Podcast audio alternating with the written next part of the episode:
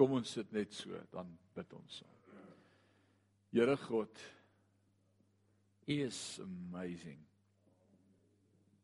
Wat het ons as ons U nie het nie? en hoe kan die mens dink dat hy op sy eie kan bestaan sonder U? Dawid sê beter as een dag in die huis van die Here as 1000 jaar daar buite sonder U. Tye soos vanaand is vir ons kosbaar. Ons het U lief, ons het U woord lief. Die Heilige Gees van God wat die woord vir ons oopbreek. Dankie.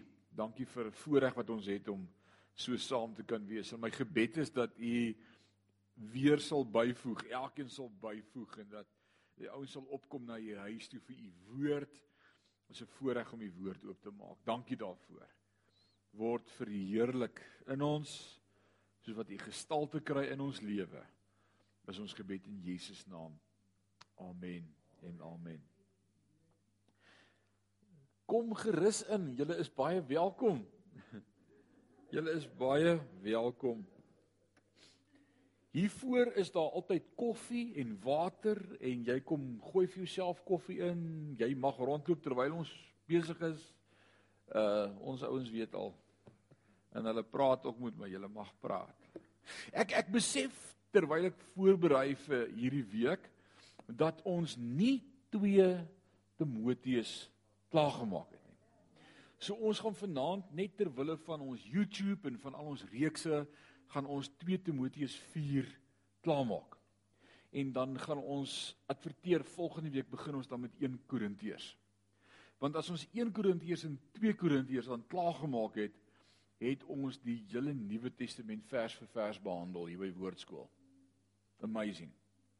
So ek sien uit daarna, ek sien uit na Korintiërs. Uh great goed wat daar uit gaan spring vir ons, maar vanaand gaan ons dan 2 Timoteus klaarmaak. En uh die ouens wat hier moet wees wat nou nog nie is nie, dis nou 'n bietjie geskommelry en ek het vir julle verduidelik hoekom ons dit nou Woensdae aan het en nie meer Sondag aan en die Sondag aan is die tieners hier in die kerk. En ek dink is goed 'n midweek. Ons moet by mekaar kom in die middel van die week. Dis lekker. So dis dis kos. Dis kos vir ons siele. 2 Timoteus 4. 2 Timoteus is Paulus se laaste brief Paulus vir wie ons so lief geraak het deur die Nuwe Testament en wat vir ons 'n uh, 2/3 van die teologie in die Nuwe Testament mee deel en vir wie ons baie skuld kan gee. As jy regtig nie weet wie iets gesê in die Bybel nie, gaan jy 10 teen 1 reg wees as jy sê Paulus het gesê. Uh hy hy het baie gesê en hy het, hy het baie teologie met ons gedeel. Waarhede wat net die Here aan hom bekend gemaak het. En uh Kort na hierdie brief is Paulus onthoof deur keiser Nero. So hierdie is sy einde, hy weet sy laaste brief wat hy skryf. Ons gaan vanaand in hoofstuk 4 hoor waar hy sê ek word reeds uitgegiet soos 'n drankoffer. Hy weet sy einde is naby en dan skryf hy 2 Timoteus aan sy protege, aan sy opvolger, sy jongeling, sy disipel eh uh, Timoteus. En hy skryf vir hierdie jong man en hy het hom al bemoedig en vermaan en gemotiveer en nou kom hy in die laaste hoofstuk met die laaste paar verse wat ons vanaand gaan doen, skryf hy dan uit die tronk uit in Rome waar hy gevange af verhoor afwagtend is. Uh hy het vir 2 jaar verhoor afwagtend gewees in Rome, eers onder huisarrest en toe die laaste gedeelte van sy vonnis in 'n dungeon opgesluit in 'n kerker. Uh en ons gaan ook vanaand lees as hy sê maar as hy vir my kom kuier, bring net my jas saam, dis koud. En en hy sê mag hy kom voor die winter. Ons 'n paar goed sien vanaand van om te midde van Italië is 'n warm warm land. Ons was daar in die somer, Julie maand is hulle somer, Julie, Augustus, September, dan kom die herfs. Dis tropies, dis warm. En te midde van hoe warm dit in daai streek is, sit hy in 'n kerker, hy sien nie die son nie, opgesluit, kry koud. En hy sê ek soek my jas net voor die winter kom. Uh maar hy het nie die winter gesien kom nie. Hy stap rond op die strate van goud. En sal dit vir ons daar ook nie heerlik wees nie. Man. So Hoekom is hy in 'n sel gegooi? Uh kom ons probeer die legkaart stukkies net gou-gou weer bou dat julle kan onthou. Paulus keer terug na Rome nadat hy in Spanje was en hy kom terug van Rome af van keiser Nero is in beheer van Rome en hy begin bizarre uitbarstings en optredes beleef. Hy's totally van sy trollie af. Keiser Nero was nie lekker nie. Ek weet nie hoe sou om ons hom klassifiseer as hy by 'n sielkundige moes uitkom vandag nie. Hulle sou hom dalk opneem in 'n gestig, maar hy was sertifiseerbaar. Uh en en en hier in die jare uh, 9 uh, 19 tot 23 Julie in 24 na Christus. Uh staan keiser Nero op die balkon terwyl die stad Rome aan die brand is en En die geskiedskrywer Flavius Josephus reken dat Nero self die stad aan die brand laat steek het sodat hy hierdie vors kon wees wat Rome red en dat hulle hom net meer sal aanbid want hy het homself veraf God. Uh en meeste van die historikusse is daarvan oortuig dat Nero self die stad aan die brand gesteek het en hy sit agter alles uh, maar hy wou 'n rede kry om die Christene te vervolg en die Christene dood te maak. En toe sê hy maar hy het al gehoor Christene praat en sê hulle is die lig van die wêreld. Dis hierdie klomp Christene wat die stad aan die brand gesteek het. En toe begin hy hulle vervolg. En die geskiedskrywer vertel vir ons dat uh, Nero so van sy trollie af was in sy laaste paar jare van sy lewe ook dat hy Christene wat hy vervolg het in potte kookolie gedoop het en dan in sy tuin sou plant soos fakkels en hulle aan die brand steek letterlik dat hulle brand en dan het hy poedelnakend op sy perdekarretjie in sy tuine op en af gejaag in Rome en dan skree hy vir hulle brand julle Christene brand julle is mos die lig van die wêreld. So dis die agtergrond wat Paulus homself in bevind. Hy sit in die tronk gevangene verhoor afwagtend. Nou kronologies gebeur hierdie agteruitgang van Nero na gesprek met 'n man Paulus die apostel. Nou hierdie interessante ding wat ons soms vergeet van Paulus, Paulus het die geleentheid gehad om met Nero te praat. Want hy was onder huisarrest die eerste keer en hy het 'n gesprek met Nero gehad en toe word hy in die dungeon gegooi en toe word hy onthoof. Dis was wat die geskiedskrywer van sê se einde. En, en na hierdie gesprek wat Nero met Paulus gehad het, die apostel lyk asof Paulus wel met Nero gepraat het en die inligting kry ons in die boek nie in die boek Handelinge nie, maar die kerkgeskiedenis wys vir ons dat Paulus wel in 'n gesprek met Nero was voordat hy onthoof is. Hy sou sekerlik met hom gesels het oor Jesus. Ek kan nie dink dat hy dit nie sou doen nie. Hy sou met hom gesels het oor Jesus. En net daarna word Nero heeltemal van sy trollie af en hy beveel Paulus se onthoofding. So wat sou Nero so kwaad gemaak het om Paulus te onthoof?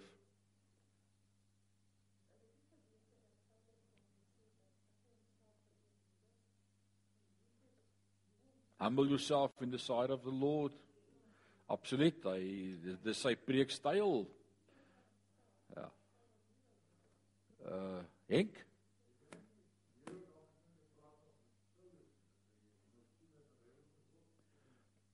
Paulus Saulus, hy het hom dalk onthou as as Saulus of as en, tog was die Romeine die Jode redelik goedgesind geweest.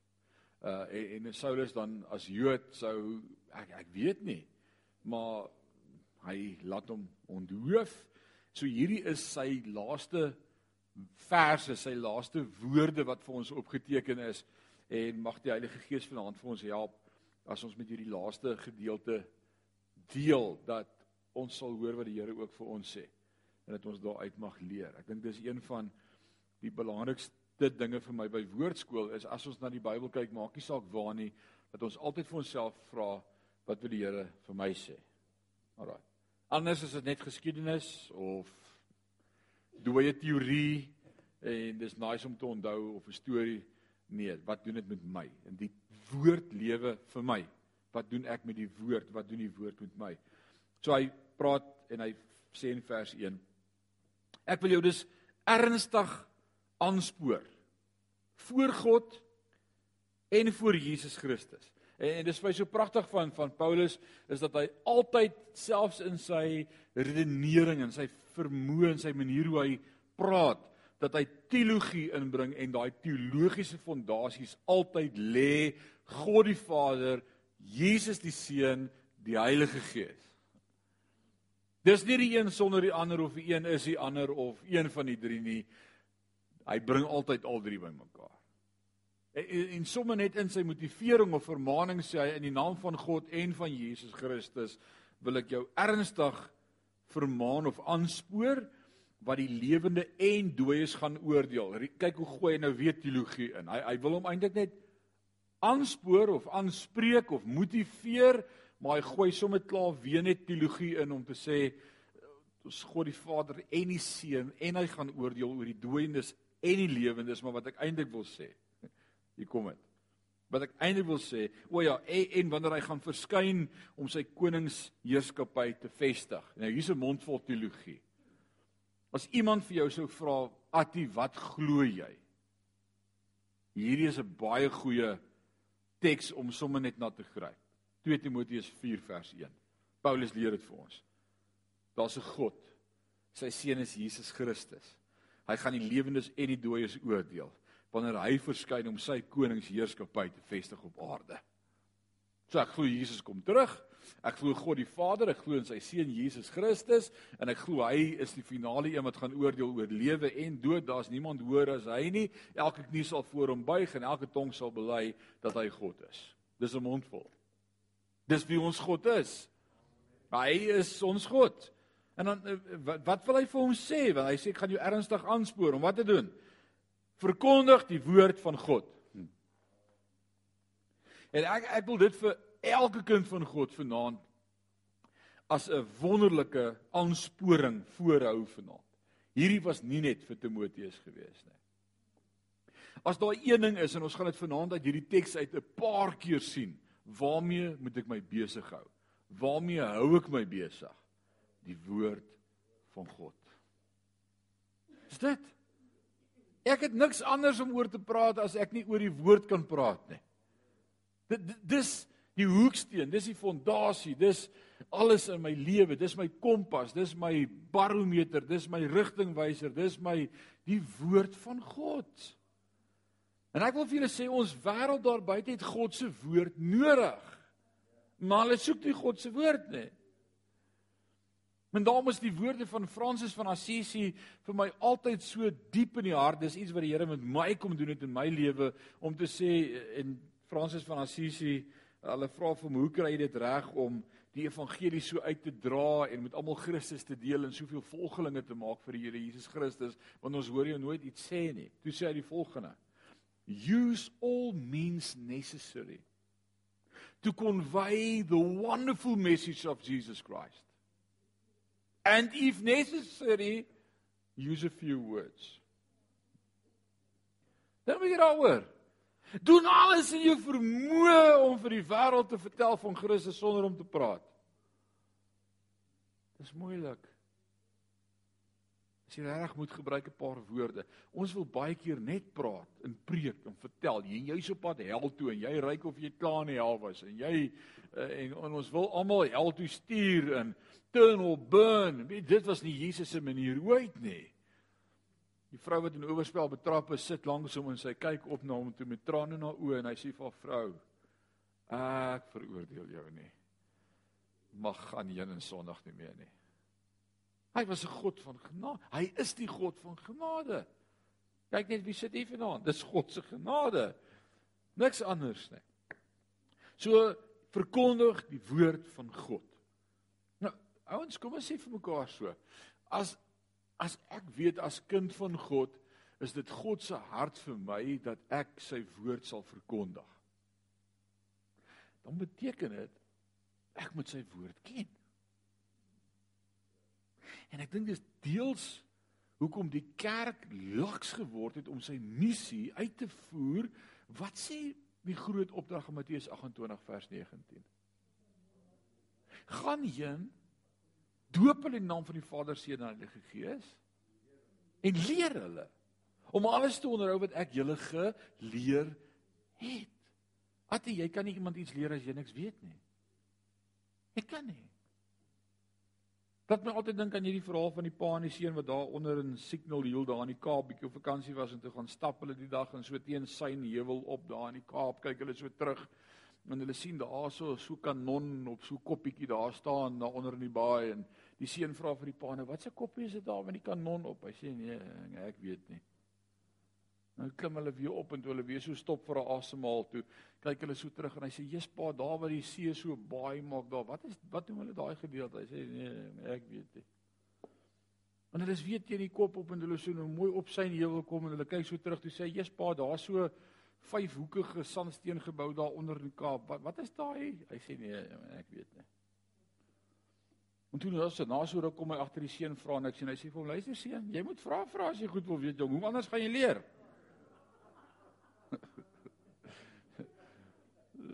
Die wêreld vra vra. Maar ons is nie altyd die ouens wat hulle kan leer nie want ons nee, ek weet nie. Noem my pastoor vra. Hy Nee, ons moet almal vol van die woord wees. Vir my so mooi in hierdie selfde boek net so twee hoofstukke terug in 2 Timoteus 2 vers 22 as Paulus vir Timoteus sê hierdie betroubare woord wat ek aan jou toevertrou moet jy net so vat en met ander deel. Jy hoef stories by te sit met die woord nie broer. God se woord sê. En is klaar. Alraai. So wat is ons opdrag verkondig die woord van God. Hou daarmee vol. En dan sê hy 'n interessante ding Leon, of jy tyd daarvoor gelees of nie. Ons sê mos altyd daar's 'n tyd vir alles. Dis nie nou die tyd nie. Vrouens is geneig om met hulle mans te sê, "Pappa, dis nie nou die tyd nie." Nee, nee, Paulus sê of, of dit nou die tyd is of nie. God se woord is altyd die tyd voor. Daar's altyd die tyd vir God se woord. Hy sê jy moet jou mense met geduld reg help. Nou nou raak dit bietjie dit raak nou met elkeen van ons, né? Nee, ons is mos vreeslike geduldige mense. Ons het baie geduld met mekaar ook, baie.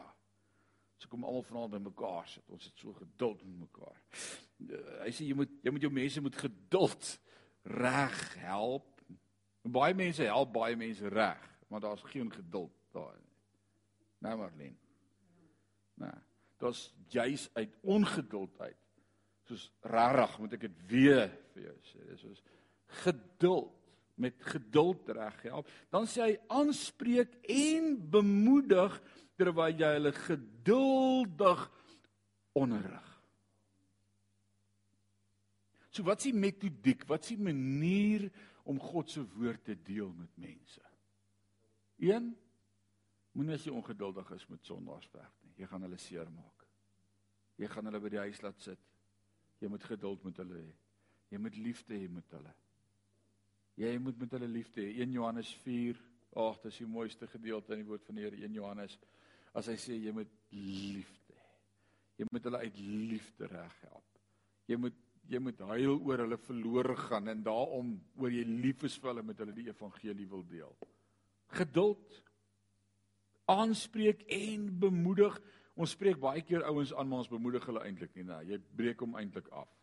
Vertel vir hom So die laaste keer wat ek gaan probeer, maar jy's eintlik terrible, jy's useless, maar ek gaan maar probeer.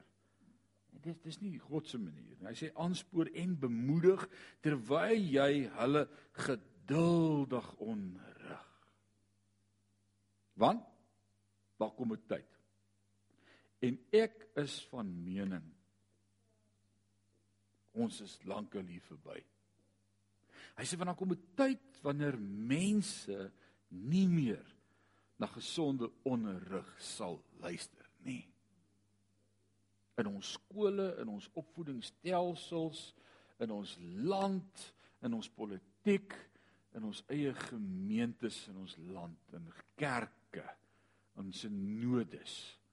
Is daar verdeeldheid en ons sê ons het nie meer tyd vir daai twak van 'n maagtelike geboorte en 'n opstanding na die dood en al daai nonsens nie. Dis wat in ons land gebeur, dis wat oor die wêreld gebeur. Dis die tydsgees waarvan Paulus 2000 jaar terug reeds vir Timoteus gewaarsku het. Hulle sal hulle eie begeertes volg en leermeesters soek. So nou, nou hier's 'n interessante ding. As jy jou eie wyshede volg, hoekom het jy 'n leermeester nodig?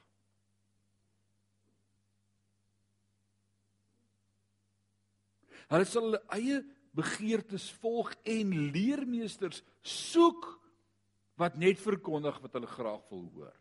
En hier's vir my 'n interessante ding. Daar's leermeesters wat in die trap trap om te preek wat mense wil hoor. Want daai mense gaan eendag nog vir jou die skuld gee omdat hulle glo wat hulle glo en sê jy het ons so geleer. Want ons hele menswees en manier is was nie my skuld nie. Eva het dit vir my gegee. Dis nie ek nie, dit was die slang. Nee, maar dis eintlik jou eie begeerlikheid. Jy wil dit glo.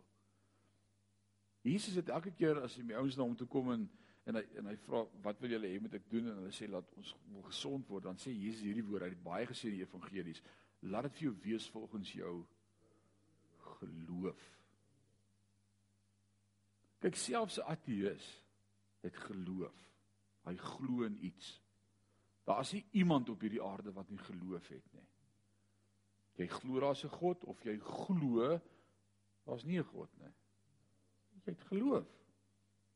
Een pragtige boekie wat ek op my boekrak het sê ek het nie genoeg geloof om 'n ateïs te wees nie. Want om te glo dat alles wat gebeur het sommer net gebeur het, dit is massive geloof. Ek glo eerder God het dit gemaak, is baie makliker. Dink daaroor.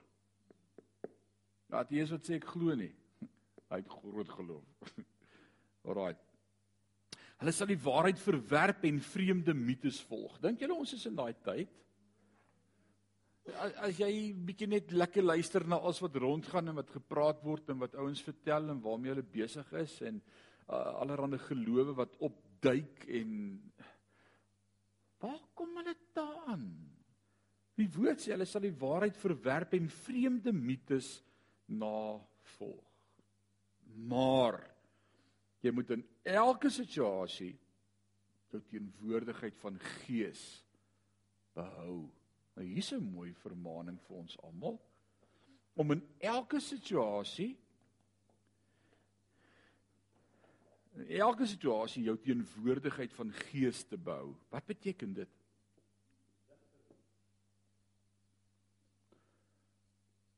Moenie van jou trollie afvlieg nie. Bly nugter. Dink mooi. Jou optrede. Wat jy sê, hoe jy dit doen. Wees nugter. Henk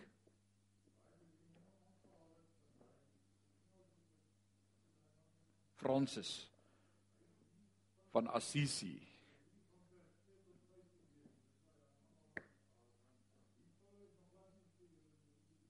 niks nie. Jou houding, jou loop, jou wandel, jou wees nugter, dink voor jy praat, jou getuienis bewaar.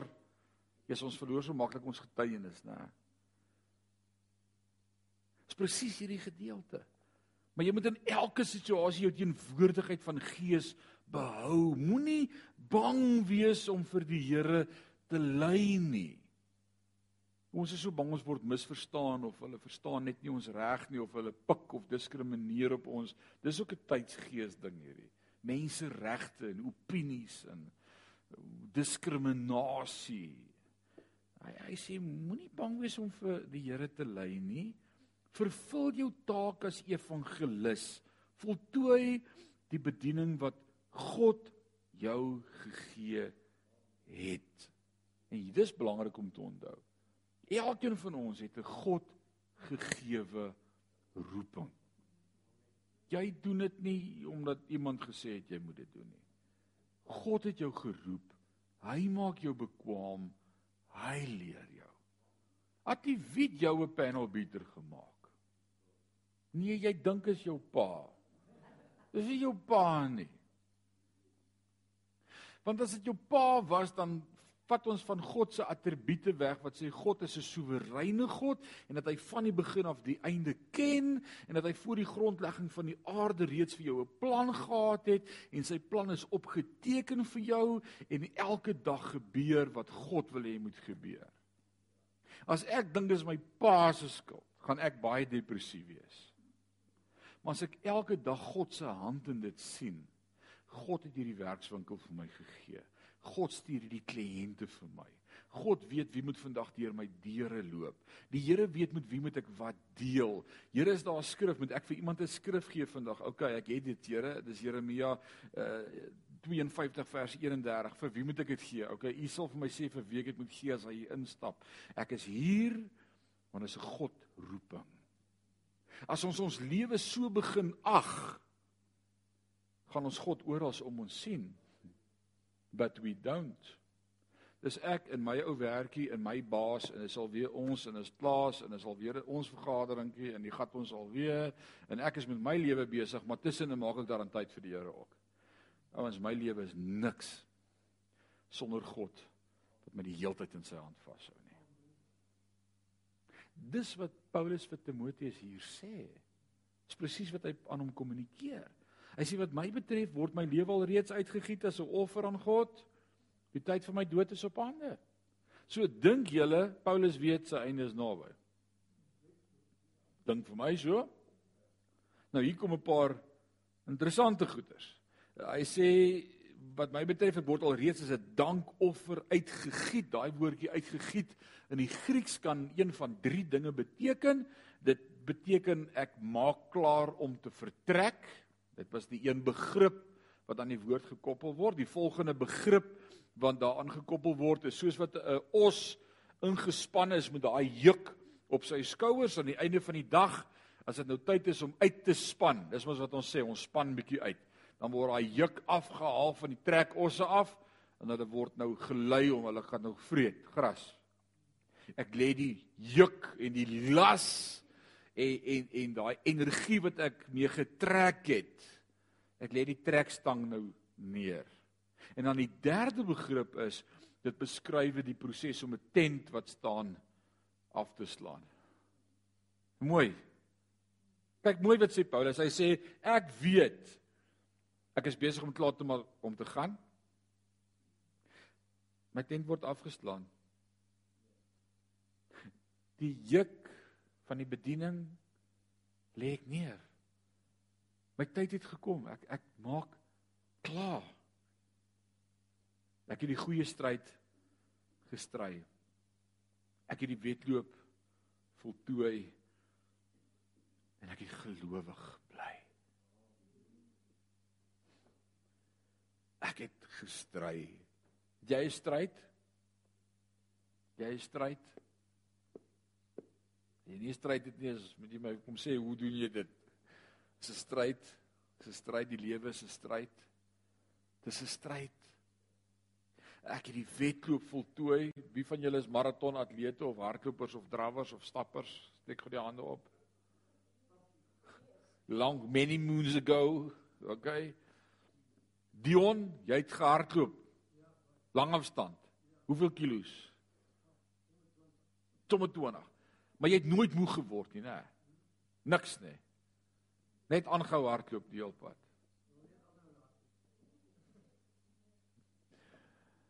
ek wou doodgaan na die eerste 100 meter. Dis moord. Ek ek kon nou in die laerskool het ek die 1200 meter gehardloop. Dis 3 keer om die baan. Weet jy hoe lank is 'n baan? Jesus, like. Dis moord. Dan moet ek hardloop en dan skree hulle mos hier van die kant af vir jou die rooi span. Hou bene, hou. Hou bene. Dis nie my bene nie.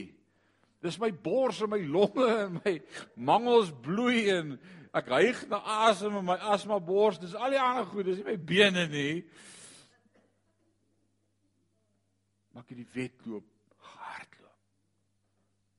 Soms gaan sit ek en jy ook net op 'n stil plek iewers in 'n dag onder 'n boom of op 'n stoel of met 'n koppie koffie iewers ter en jy haal net diep asem en sê, "Dis 'n red reis. Dis 'n gehardloop." se wedloop. En dan die mooiste woorde wat Paulus hier kan sê, oom Leon, ek het gelowig gebly. Wat vir my sê dat dit my en jou grootste battle is hier op aarde om ons geloof te behou. Dis wat getoets word ons geloof. van die begin af, die heel eerste ding wat getoets is by Eva toe die slang met haar kom praat, het God regtig gesê. En hy toets of jy glo wat jy glo. Jy kry skrif en jy kom uit jou binnekamer en jy sê die Here is met my. Ek het skrif gekry. Ek gaan hierdie projek aanpak. Ek is positief. Die Here het vir my gesê hy is met my en dan stap jy uit en dan breek die hel los. En dan kom die twyfel en dan kom daai selfde ou stemmetjie, het God regtig gesê hy's by jou? Job, waar's God nou? Jou kinders is dood. Jou vrou wil jou los. Jou vee is weg. Kyk hoe siek is jou lyf. Jy sit op die ashoop met 'n potskerf en krap jou swere. Waar's God, Job? Het God regtig gesê hy's by jou? Dan sê Job: My God hou my vas. My geloof bly behoue. Ouens, wat word getoets elke dag in ons lewe? Ons geloof. Ons is nie ons geloof in genesing of ons geloof vir geld of ons geloof vir God se voorsiening of geloof vir 'n kar of geloof vir dat my vrou gaan regkom. Nee. Dis geloof dat God God is. Hebreërs 11 vers 6 sê dit so mooi nadat hy in vers 1 die Hebreërs skrywer kom en sê geloof is dan 'n vaste vertroue op die dinge wat ons hoop, 'n bewys van die dinge wat ons nie sien nie. Dan kom hy in vers 6 dan sê hy want hy wat na God gaan moet glo dat hy is. En, en hier's die awesome beloning wat hy nie eens by hoef te gesit het nie. Hy's 'n waarmaker van sy woord. Hy kon dit gelos het. Hy kon net sê jy moet glo dat God is maar hy's so awesome dat as jy 1 tree gee, hy 100 gee. Hy's 'n waarmaker. Ati, hy's 'n waarmaker. Man, it's amazing. It's amazing. Elkeen van ons ag mag die Here ons help dat elkeen van ons dit kan sê as ons op die einde van ons lewe kom. Ek het die geloof bou. Wow, daar was baie kansse om in sak en as te gaan sit en te sê ek weet darm nou nie meer nie. Ek glo nie. Ons sê dit baie keer, ek glo nie dit gaan. Dit dis geloof. Dis ongeloof. Ah, Habakuk. Man, mag ons 'n Habakuk gees hê, nê? Ons sou die vrye boom in die bot nee, nee. Lande se oes te leer stel en die olyfoes misluk en die opstel, opstal staan leeg en die vee verdwyn uit die krale nogtans sal ek in die Here jubel, sal ek juig in God my redder. Hy is. My geloof sal ek bou al is dit die laaste ding wat ek glo tot die einde toe. En en weet jy wat's die hartseer en die waarheid van van baie gelowiges op hulle sterfbed? Is dat die duiwel selfs op 'n gelowige se sterfbed probeer om sy geloof te steel. Dis al by by gelowiges wat sterf en dan sal hulle vir my sê die duiwel sê die vreeslikste goed in my ore vir my van God. Het jy het jy, het jy dit al gehoor? Dan sê ek jy kan nie jou geloof nou laat gaan nie. Jy's nou op jy's nou by die wenpaal. Al kruip jy nou oor, jy los nie nou nie. Jy bly glo. Jy kan nie op die einde kom en sê ek weet daarom nie of dit die moeite werd was nie. En dan jy moeilikheid geloof, bly glo. Mag ons dit elkeen kan sê volhard tot die einde. Jesus sê dit vir sy disippels in Matteus. Vers 8 sê en nou wag die prys vir my. Ouens, jy moet nooit die prys uit die oog verloor nie. Atie daar's 'n prys. Oom Leon, daar's 'n prys. Dis prysuitdeling, een van die dae vir ons. Hy sê ek wag vir die prys. Die loerierkraans vir die lewe in gehoorsaamheid wat die Here die regverdige beoordelaar my sal gee op die groot dag van sy terugkeer. En die prys dis nie net vir my nie, maar vir almal wat gretig uitsien na sy heerlike verskyning. Vir wie se prys? Vir elkeen wat sê, "O kom, Here Jesus, ek bid U. Kom reinig my hart en my gees, sodat wanneer U kom op die wolke, ek gereed vir die bruilof sal wees." Daar's 'n verwagting in my hart. Nou Paulus leer vir ons hier 'n pragtige ding. Hy sê omdat ons die verskyning van Jesus liefhet, omdat ons dit verwag, gaan ons 'n loon kry. Hy sê lorierkrans. Dis nie die kroon wat op God se kop is nie. Hierdie is 'n lorierkrans. Dis wanneer jy soos by die Olimpiese spele sou klaarmaak met jou met jou met jou uh item en daai lorierkrans wat er op jou kop sit, jy het gewen, jy het die wedloop volëindig. En nou let mooi, daar's 'n verwagting, daar's 'n toekoms. Met ander woorde, ek lewe in gehoorsaamheid. Ek glo. Ek glo. So hoekom sal ek 'n krans of 'n loon wil ontvang? Hoekom is dit belangrik om 'n loon te ontvang? Dis nice, maar is dit net genoeg om in die hemel te wees, né? Wie wil nou kroon ook nog hê in die hemel? Jamain, jy is presies reg. Dink gou gesaand my, wat vat jy saam hemel toe?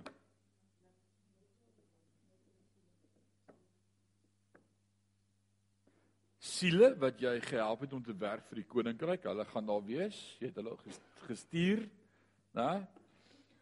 Dis is die man wat so met sy werkers gebeklei het en geraas het en dan slaan hy hulle en hy wil hulle doodmaak en dan sê sy vrou vir hom: "Nee my man, jy moet vir hulle bid." Jy moenie so slaan en klap en vloek nie. En toe hoor sy eendag toe hy bid, toe sê hy: "Here, hierdie Jonas, gaan U hom kom haal of moet ek hom stuur?" Nou dis net nie hoe ons vir ons werkers moet bid nie, né? Dis dis nie hoe dit moet wees nie. So party word gestuur, maar dis nie hoe nie. So siele moet weet die evangelie gedeel het, hulle gaan in die hemel wees eendag.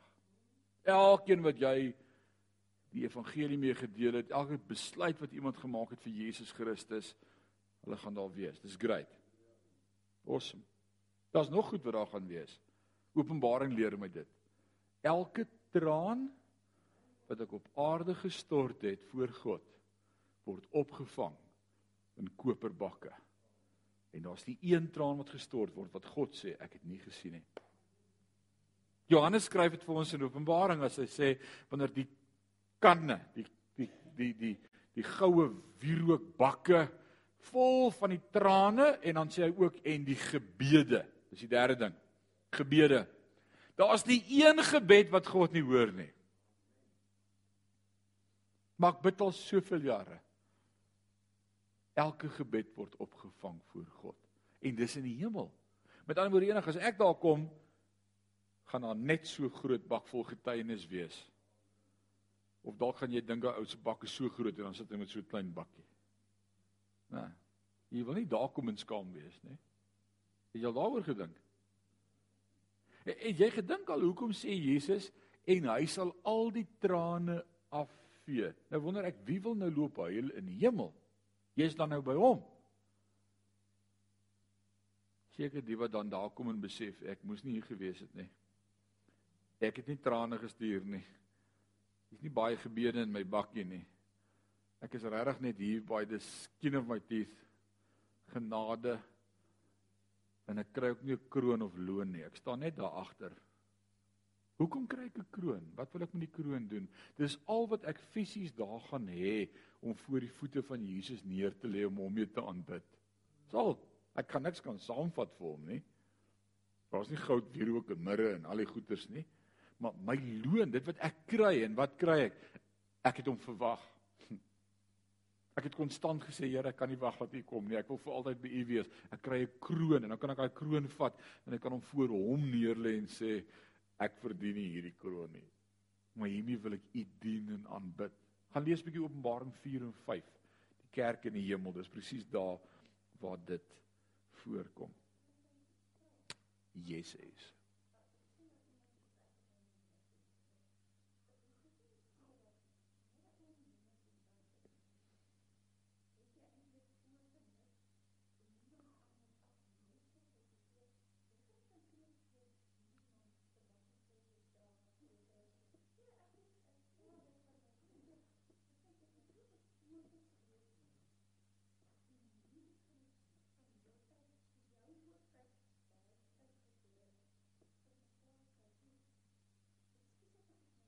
Hoor wat jy sê. Daar's 'n paar antwoorde wat deur my gedagtes gaan, maar ek dink hoe dit nie sê nie. Ek dink wat ek wat ek moet sê, wat ek nogal aan dink, nou. En ek en ek ek, ek dink lank daaraan. As ek nie nou 'n passie het vir Jesus en hom wil sien en met hom tyd spandeer, nê. Hoe gaan ek dit skielik ontwikkel as ek in die hemel kom? As ek hom nie nou kan aanbid nie. As ek nie nou kan regkry om my oë toe te maak en oor te gee en te sê ek kan bid die lam van God wat sit op die troon en ek sien in my geestes oog die heerlikheid van die Here en, en o ek wil U aanbid soos wat Stefanus U gesien het sit aan die regterhand van God die Vader U is waardig as ek dit nie nou kan doen nie hoe gaan ek om eendag gaan bid as ek in die hemel kom is is ons nie nou juis in daai skool wat ons oefen vir dit wat ons eendag by hom vir altyd gaan doen hè.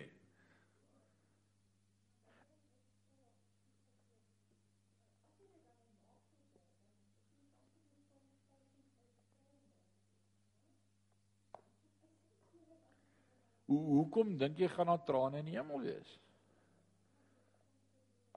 But why? Who wants to cry by die Here eendag? Maar dan sal Jesus nie die trane afdroog en tra trane sal daar nie meer wees nie, verstaan jy?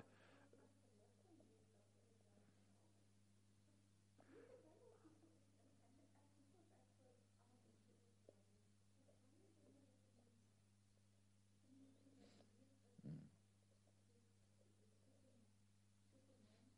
Absoluut.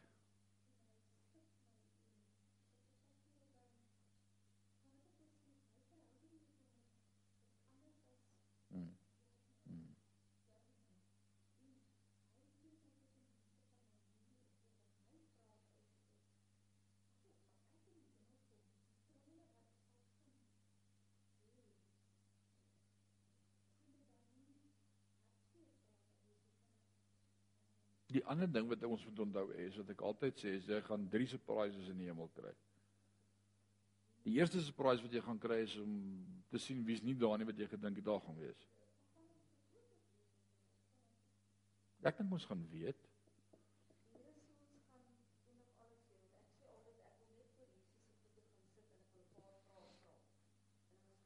Jy gaan niks vra nie. Jy gaan niks vra nie. Nee. Jy gaan dit weet en jy gaan niks kan sê nie. Want God weet alles. Presies.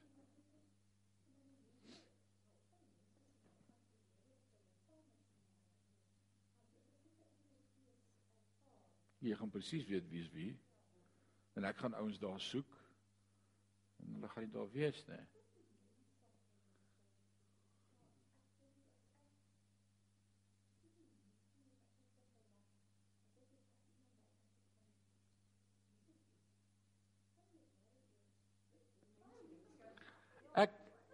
Ons het so tikkie van 'n ons het so tikkie van 'n gordyn wat weggetrek word as Jesus vir ons 'n gelykenis vertel van Lazarus en die ryk man. Ons moet alles onthou wat ons lees in die Bybel, dit is baie interessant. En dan sê hy die oomblik toe die ryk man daar kom en sy oë oopmaak, toe weet hy wie's nie nie en hy weet wie gaan nie wees nie. En hy weet presies wie's Abraham want hy praat met hom onmiddellik. Niemand stel hom voor aan Abraham nie en hy sê Abraham, stuur vir Lazarus. Skielik kry Lazarus toe 'n naam en hy kan dit onthou ek actually want hy weet alles want jy's in die verheerlikte dimensie. En hy sê daai broers van my paar het nodig om by hier uit te kom. Gee my so tikkie van 'n wegtrek van konteks aan die ander kant van die graf. Ons gaan weet ons gaan mekaar ken ons gaan verstaan ons gaan kan redeneer ons gaan praat so jy gaan surprise wees wie jy dalk gedink jy daar gaan wees wat nie daar is nie Die tweede surprise is wie jy gedink het nie daar gaan wees nie en hier is hulle wragties. Hoe het hulle gekom? Deur genade. Dis al genade red. En dan die derde surprise gaan dalk wees omdat jy daar is. Want dit is net genade. Wat 'n surprise sal jy nog kry?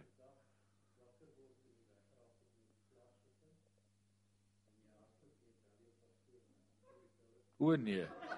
O nee. Louis. Wyk agter my.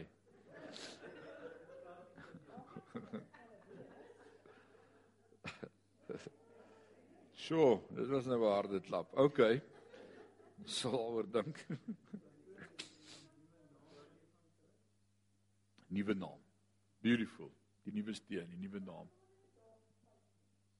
Ek ek dink dis ek moes vroeër meer gedoen het. Ek moes meer tyd spandeer het met sy woord. Ek ja. Dis my gedagte van die vertrane is verwyd. En dan sê Jesus vee dit af daar gaan nie meer trane wees nie, is verby. It's done and dusted. Uh ja, ek ek dis dis my gedagte van van daai trane. Kom ons probeer klaarmaak. Om te dink dat as ons eendag loon gaan ontvang dat Jesus my en jou gaan bedien. Dink gou daaroor. Ons het sy verskyning lief, sy koms lief. Daar's 'n begeerte in ons harte dat hy sal kom. Ek hoop daar's in jou hart een en myne is daar. Uh en, en Jesus sê hy gaan ons bedien. Is dit skriftuurlik? Ja, in Lukas 12 sê Jesus self so. Hy sê daai dag sal ek julle laat sit aan 'n tafel en ek sal julle bedien soos diensknegte gaan ek jou bedien by die tafel. Maar Here, ek is nie waardig nie. Ek ken my tekortkominge en my issues en my foute. U kan my nie bedien nie. Dit klink vir my soos die woorde in Johannes 13 van Petrus, die Jesus sê ek wil jou voete was en sê u kan nie my voete was nie. En dan sê Jesus vir hom ek moet jou voete was sodat jy kan deel hê aan my. En dan sê hy kan jy net my voete nie so my hele lyf. En dan sê nee, jy verstaan nie jou Petrus. Net jou voete is genoeg. Dis waar jy loop in die wêreld. Dis hierdie selfde Petrus wat dan later vir Jesus verraai en dan gaan hy maar weer terug na sy ou lewe van visvang toe en dan kom Jesus en dis vir my so beautiful. Petrus verdien dit nie. Hy het Jesus verloon. Die hoenderhaan toe hy kraai het hy hom al 3 keer verloon en wat doen Jesus dan?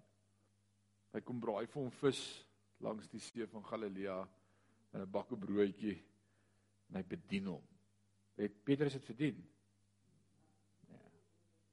Nee maar Jesus is genade.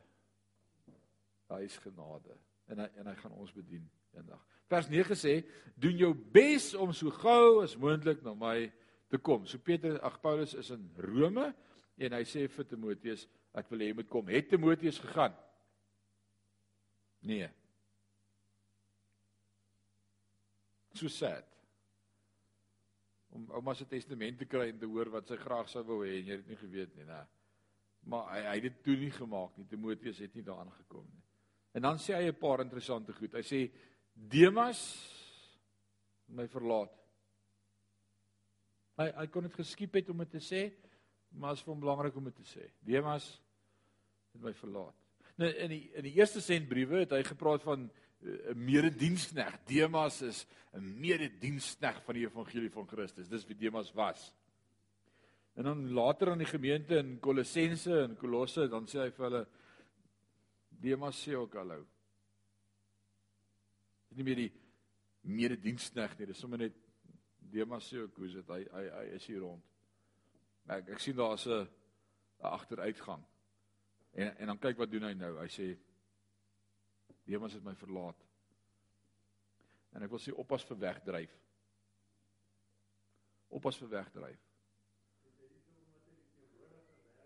hier kom dit nou. Hoekom hy weggedryf het.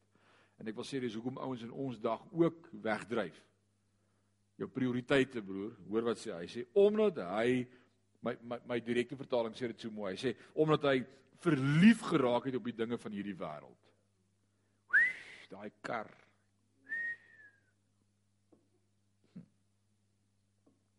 Daai huis. Daai vrou.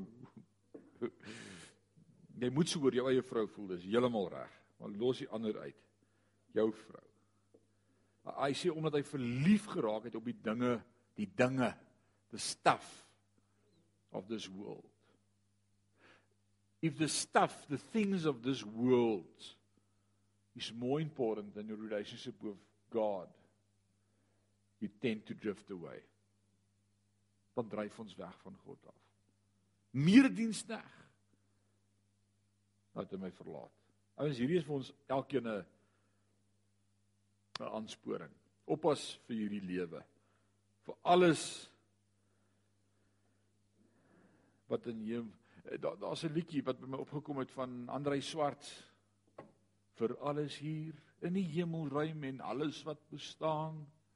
Ja, die pyn en die seer en fantasie dit alles maak my 'n kind wat net in liefde wil glo. Ja, ek is lief vir alles hier. Luister dit.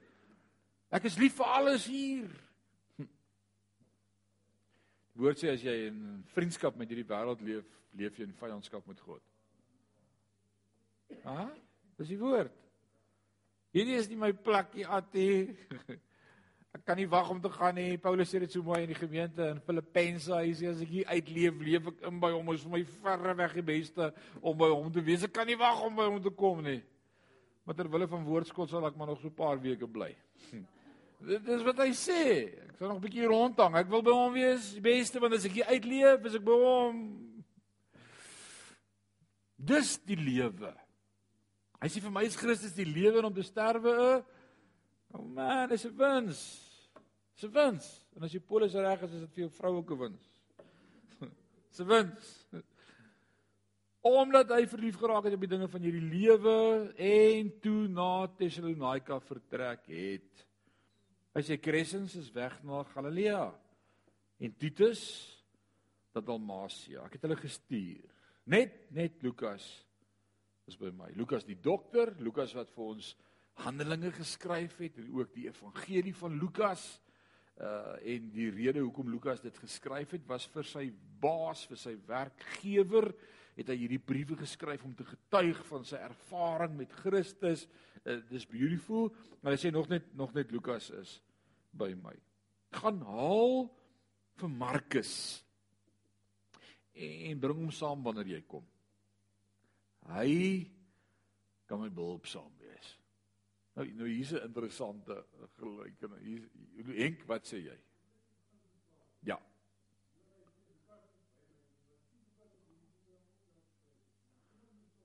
Lukas het beslis help skryf, maar Handelinge en Lukas het Lukas alleen geskryf. Hierdie het hy vir Paulus geskryf. Alraai. Want ons weet Paulus se oë het swak geraak want hy skryf in een van sy eie boeke se einde sê hy kyk hierdie groot letters waarmee ek nou al vir julle moet skryf want ek kan nie meer lekker sien nie.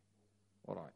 So Lukas het gehelp skryf, dis teen toe wanneer kom Lukas daar, hy het al twee boeke geskryf. Hy ken van skryf, maar dis Paulus wat quote. Nou as hy sê bring vir Markus, wie was Markus gewees? Hierdie was Johannes Markus, die neefie van Barnabas. Nou onthou julle aan die begin toe Paulus en Barnabas het hulle so 'n bietjie stryd opgetel met mekaar en toe sê hulle nee, wat gaan jy net vrede voor toe ek sal van naby al toe gaan. Laat ons net uit mekaar se pad bly want ons gaan mekaar verkeerd opvryf. En toe kom Barnabas by Paulus en sê luister maar hierdie neefie van my wat op die eerste tog saam was, vat hom saam, gee hom 'n traai. Toe sê ek wil van hom niks weet nie. Hy het my gedrop op die eerste keer, ek gaan hom nie weer vra nie. Ek slaam met hom. En nou laat hy op die einde kom, nou besef hy Ha. Ek dink hy kan vir my iets beteken. Ek wil dit sê in die en is 'n mond vol. I've said it all to say this. Moenie mense afskryf nie. Die spreekwoord lui moet nooit sê fonteintjie van jou sal ek nooit weer drink. 'n Ander spreekwoord sou sê moenie jou brand nie. Oppas. Om te vinnig die stof van die voete te wil afskud. Op die regte tyd maak God juis daai een wat vir jou frustrasie was, die kruk wat 'n verskil maak in jou lewe. It tends to be the way life plays out. Dis dis net die lewe. Wie sou nou kon dink dat ek en jy nou eendag Dis God se manier gaan lees gerus Handelinge 15. Hy sê ek en uh Tychicus ek het Tychicus na Efese toe gestuur en wanneer jy kom Timoteus onthou hom die boekleed wat by Karpus en Trouas agtergelaat het saam te bring. Dis koud hier. En bring ook my boeke. Nou daai boeke is die Griekse woordjie biblos, B I B L O S, biblos wat dui op die evangelie geskrifte. Matteus, Markus, Lukas, Johannes. Hy sê bring die evangelie vir my saam, ek wil lees. Nou hier's 'n interessante paar goed wat ek hier wil sê. Jy sal weet wat 'n man se passie is deur wat hy doen as hy niks hoef te doen nie.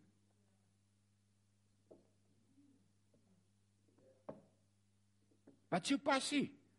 Nee, ek het nie 'n passie nie. Wat doen jy die heeltyd as jy niks hoef te doen nie? Dis jou passie. Party se passie is slaap of TV kyk. Wat is jou passie? Wat was Paulus se passie? Die woord van God. Hy bring vir my die Byblos. Ek wil lees, ek wil groei. My einde is naby, ek word reeds uitgegiet as 'n drankoffer. Ek gaan nie vir altyd die wees nie, ek word afgeslaan, die tent word afgebreek.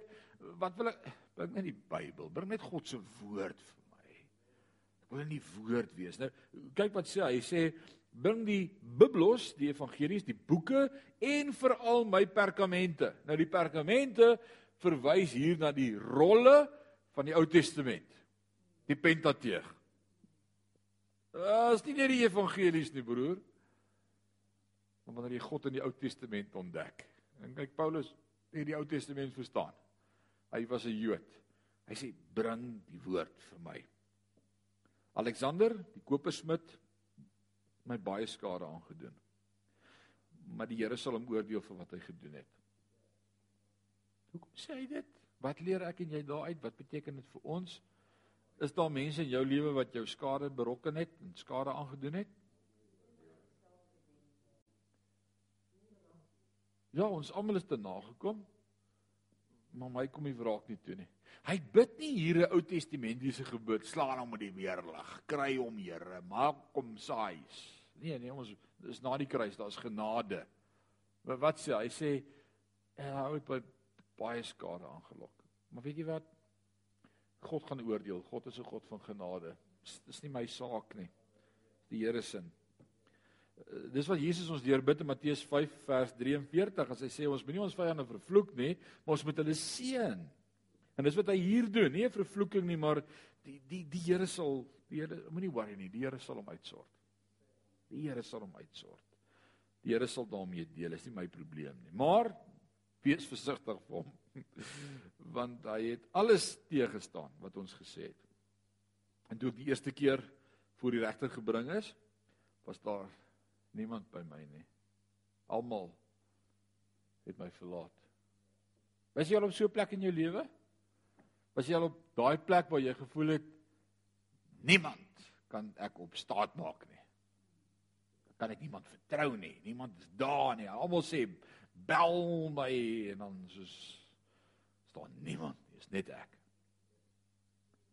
As jy dit nog nie beleef het in jou lewe nie, dis die Here nog nie klaar met jou nie. Hang vas, jy gaan daar kom. Great, dis goeie nuus. Ek bemoedig jou vanaand. Right.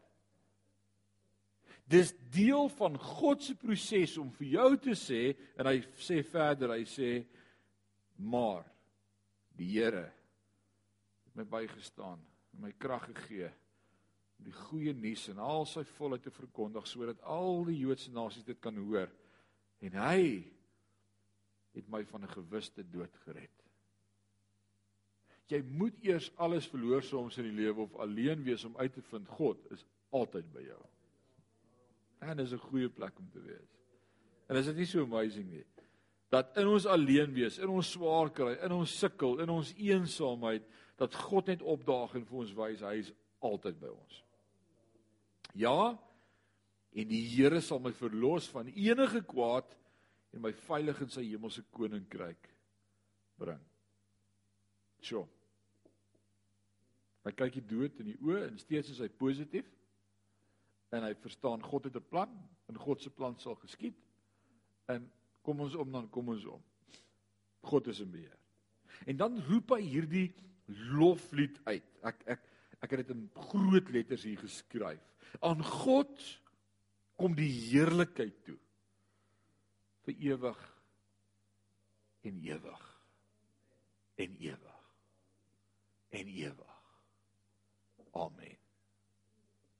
Nou nou as my einde aanbreek, ou Ben as jou einde nou aanbreek en jy voel die lyf word afgetakel en jy weet dis nou tyd en jy staar die einde in die oë en jy beleef daai benoudheid uh hoe werk jy met mense om jou op daai oomblik?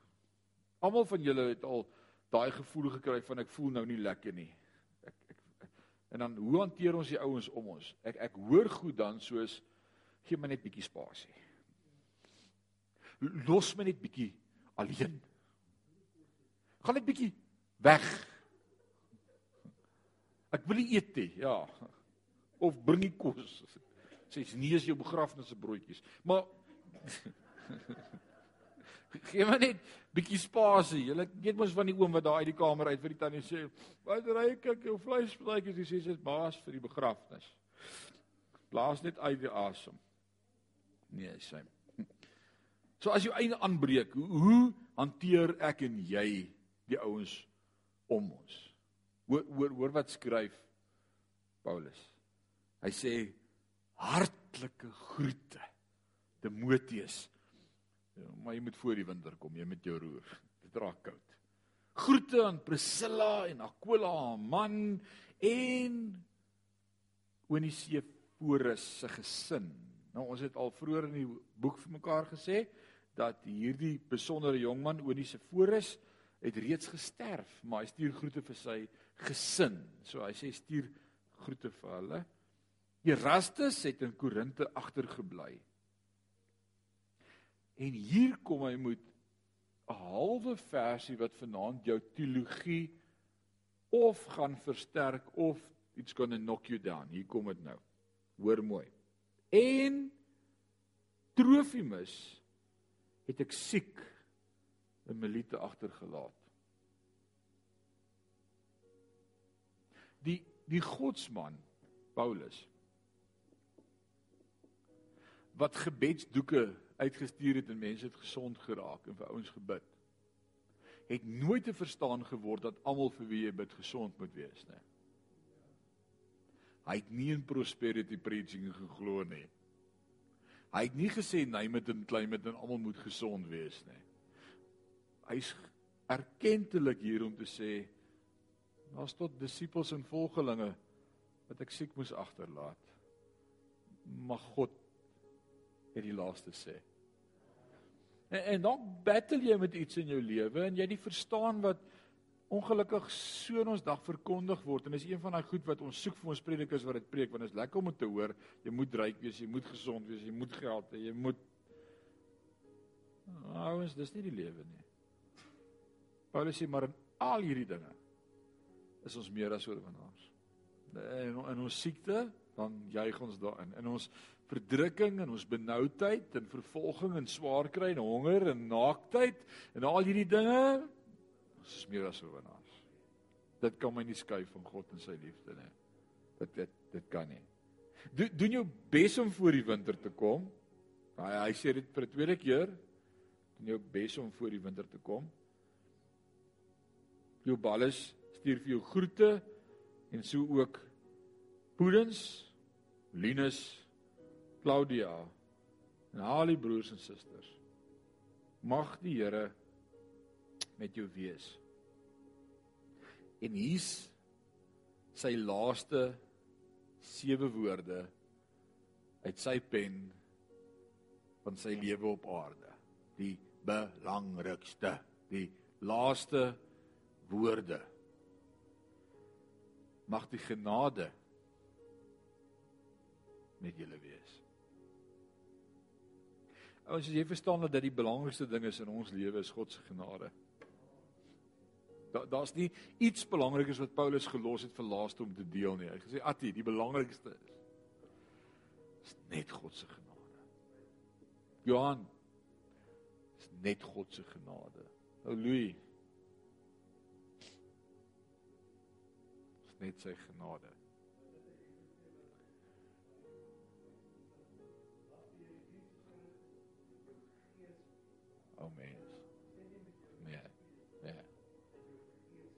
Want want want lief, wie gaan lewe al het hy ook gesterwe? Jou gees. Jammer vir jou vlees, jy gaan afgeslaan en afgebreek word, jy word reeds uitgegiet, maar is nie wie jy is nie. Hier's wie ek is. Hier's wie ek is. Genade, die Engels sê dit so mooi, hy sê unmerited, undeserved, unearned favor. Favor. God se guns. Dis net sy guns. Kom ons sit so dan bid ons saam.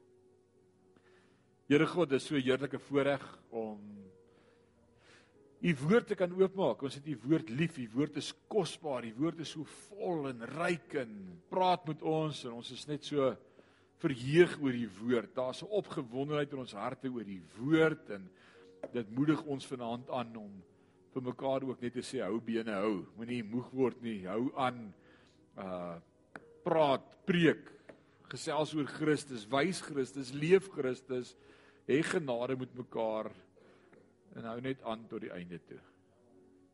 Verwag u koms en, en dis wat ons doen. Ons wil vanaand bely ons het u koms lief en ons het 'n verwagting in ons harte dat u gaan kom en dat ons gereed mag wees as u kom is my gebed, Here. Dankie vir elkeen wat hier is vanaand wat die moeite doen vir u woord. Ek wil bid vir volgende week reeds vir die wat nog moet kom en gaan bykom ook en ek wil bid vir Korintiërs dat u daardeur met ons sal praat soos nog altyd en dat u u woord vir ons sal oopmaak. Ons loof u daarvoor in Jesus naam en sê ons sê amen en amen.